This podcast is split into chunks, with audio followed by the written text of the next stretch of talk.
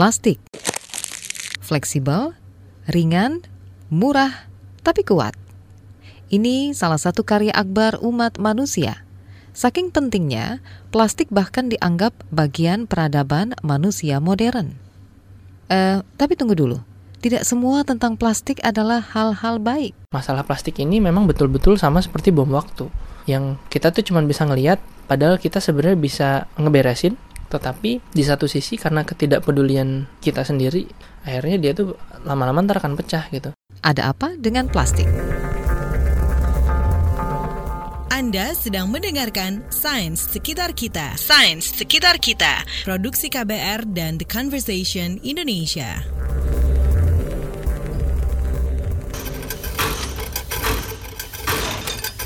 Plastik sesungguhnya adalah anak kandung revolusi industri yang bergemuruh di tanah Eropa pada abad 19. Penemunya Alexander Parks dari Inggris pernah menciptakan perkakas dapur berbahan plastik. Peminatnya banyak, tapi sayang plastik generasi pertama itu masih kelewat mahal dan mudah retak. Penemuan plastik kemudian disempurnakan oleh ilmuwan-ilmuwan berikutnya. Sampai akhirnya era kejayaan plastik dimulai bersamaan dengan genderang Perang Dunia Kedua. Di Amerika saja, produksi plastik naik 300 persen.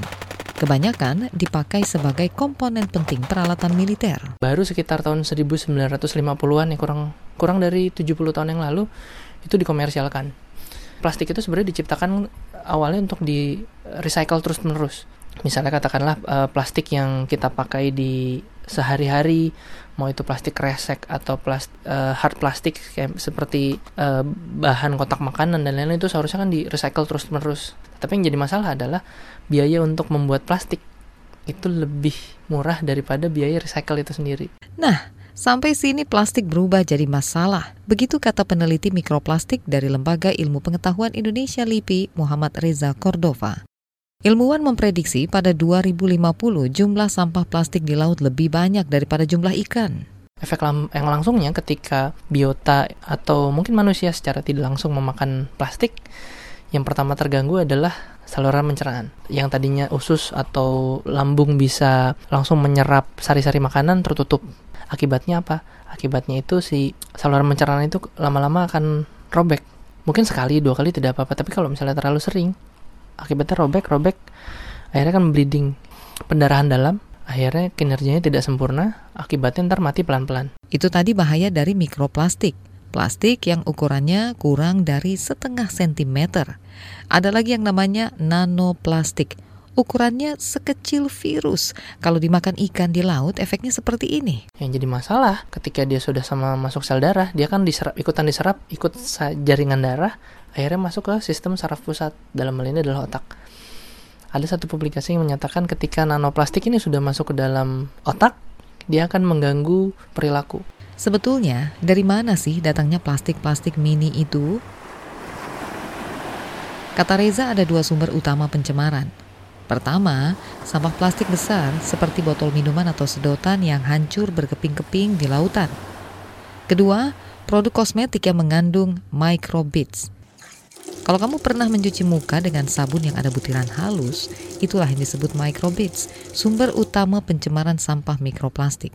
Jika kita spa atau misalnya body scrub atau misalnya face facial, itu kan pasti kan ujung-ujungnya kan ke selokan dari selokan ke sungai sungai pasti ke laut gitu kan saya percaya memang seharusnya negara kita memiliki regulasi khusus untuk itu Oke, berarti kita mesti stop pakai kosmetik yang mengandung microbeads. Nah, untuk sampah plastik besar, kita bakar saja. Selesai kan masalah? Nah, enggak juga. Plastik itu seharusnya dimusnahkan dengan cara dibakar dengan suhu lebih dari 1500 derajat. Kalau kurang dari itu, akan menimbulkan yang namanya dioksin. Dioksin itu adalah bahan uh, yang menguap dari plastik itu sendiri dan bila terhirup dari manusia ke tubuh manusia atau ke tubuh biota pelan-pelan akan bisa menimbulkan juga kanker. Yang bikin cemas, mikroplastik itu ternyata juga ada di dalam air mineral kemasan, termasuk di produk air mineral di Indonesia. Begitu hasil investigasi dari organisasi jurnalisme nirlaba Orb Media awal tahun ini. Justru jumlah mikroplastiknya itu lebih banyak daripada jumlah mikroplastik yang kami temukan di laut Indonesia. laut di Indonesia itu kan rata-rata yang kami temukan jumlahnya itu sekitar 30 sampai 960 partikel per liter. Sedangkan di merek-merek tertentu yang ada di air mineral itu kan sampai 11.000 partikel per liter. Itu jumlahnya way too big 10 kali lipat lebih tinggi daripada yang ada di laut. Waduh, lalu kita mesti gimana? Tentu saja tidak perlu khawatir karena saya percaya Tuhan itu menciptakan tubuh manusia itu paling sempurna. Bersyukurnya, mikroplastik ini adalah pencemar fisik. Mikroplastik ya, kita belum berbicara plastik karena dampaknya itu lebih belum kita ketahui. Ada kemungkinan sebagian besar memang langsung dibuang melalui feses. Tetapi yang masih menjadi misteri seberapa banyak yang dibuang, seberapa banyak yang ditahan dulu di dalam di dalam badan.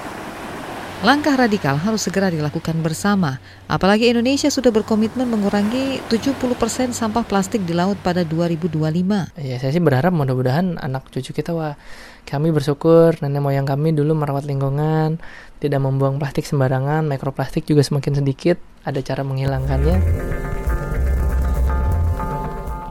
Sains Sekitar Kita. Sains Sekitar Kita. Produksi KBR dan The Conversation Indonesia.